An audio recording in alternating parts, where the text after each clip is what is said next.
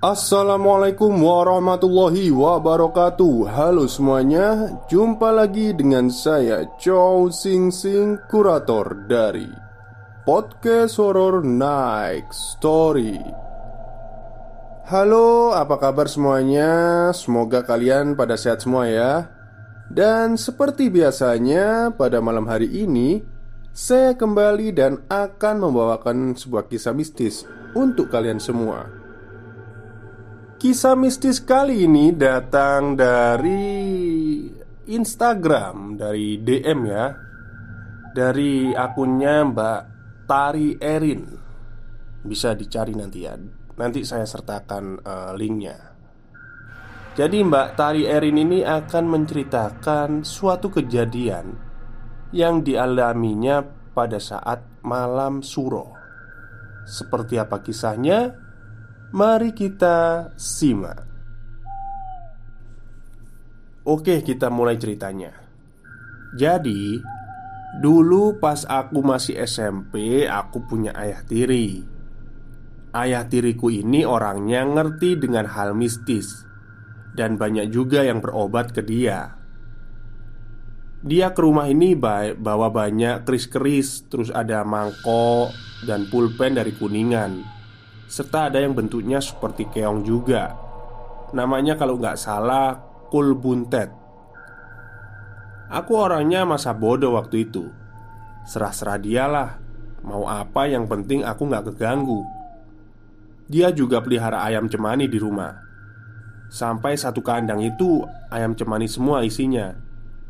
Dan dikasihkan sama ibuku karena nggak semua ayam cemani itu hitam legam kalau item keseluruhan disimpan sendiri Sama si bapak tiriku. Kalau yang gak hitam keseluruhan itu dikasihkan ke ibuku untuk dimasak mungkin ya.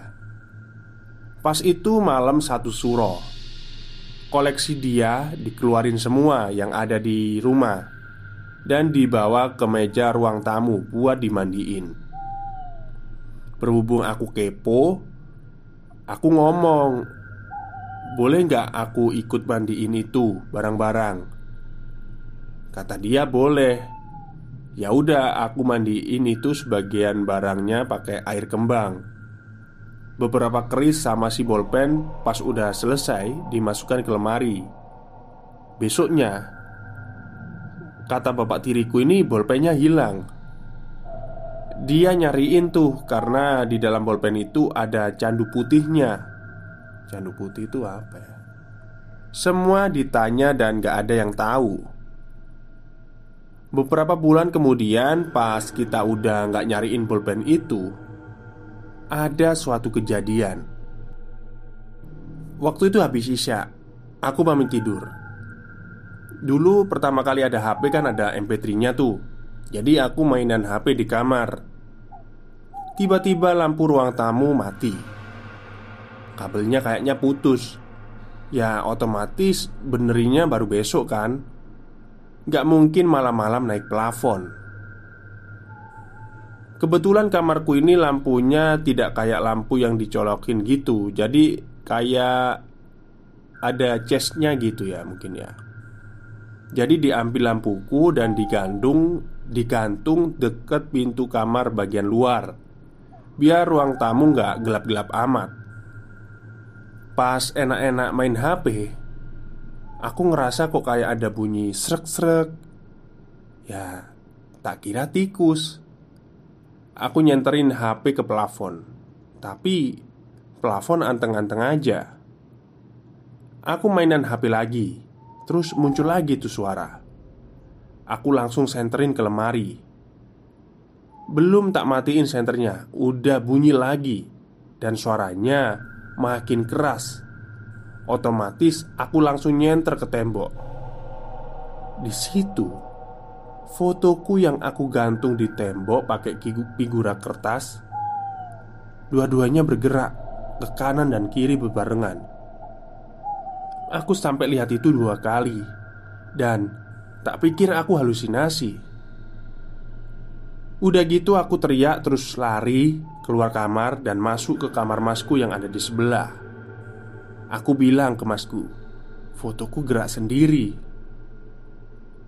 Masku masuk ke kamarku dan langsung ikutan lari katanya Di pojokan kamarku Di jendela itu ternyata ada mbak-mbak berdiri menghadap pintu Mendengar ada keributan Si bapak tiriku langsung bangun Dan masuk ke kamarku Menuju jendelaku Ternyata di sana ada kotak Yang buat naruh barang-barang kayak gitu Dan di sana terlihat pulpen yang hilang berbulan-bulan tiba-tiba berdiri nyender di situ.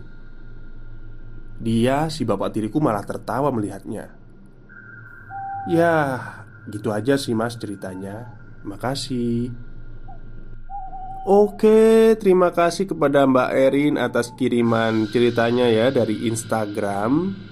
Dan ini tadi ini nanti maksudnya akan saya upload di Spotify. Jadi tunggu ya tanggal mainnya. Dan barang-barang seperti itu memang sering jahil gitu ya sebenarnya. Jadi mereka itu suka hilang-hilangan terus muncul gitu. Biar dianggap aja Caper lah ibaratnya Oke mungkin itu saja ya cerita kita ah, Maksudnya cerita saya pada malam hari ini Sebelumnya saya mohon maaf jika ada kesalahan dalam berkata-kata. Assalamualaikum warahmatullahi wabarakatuh.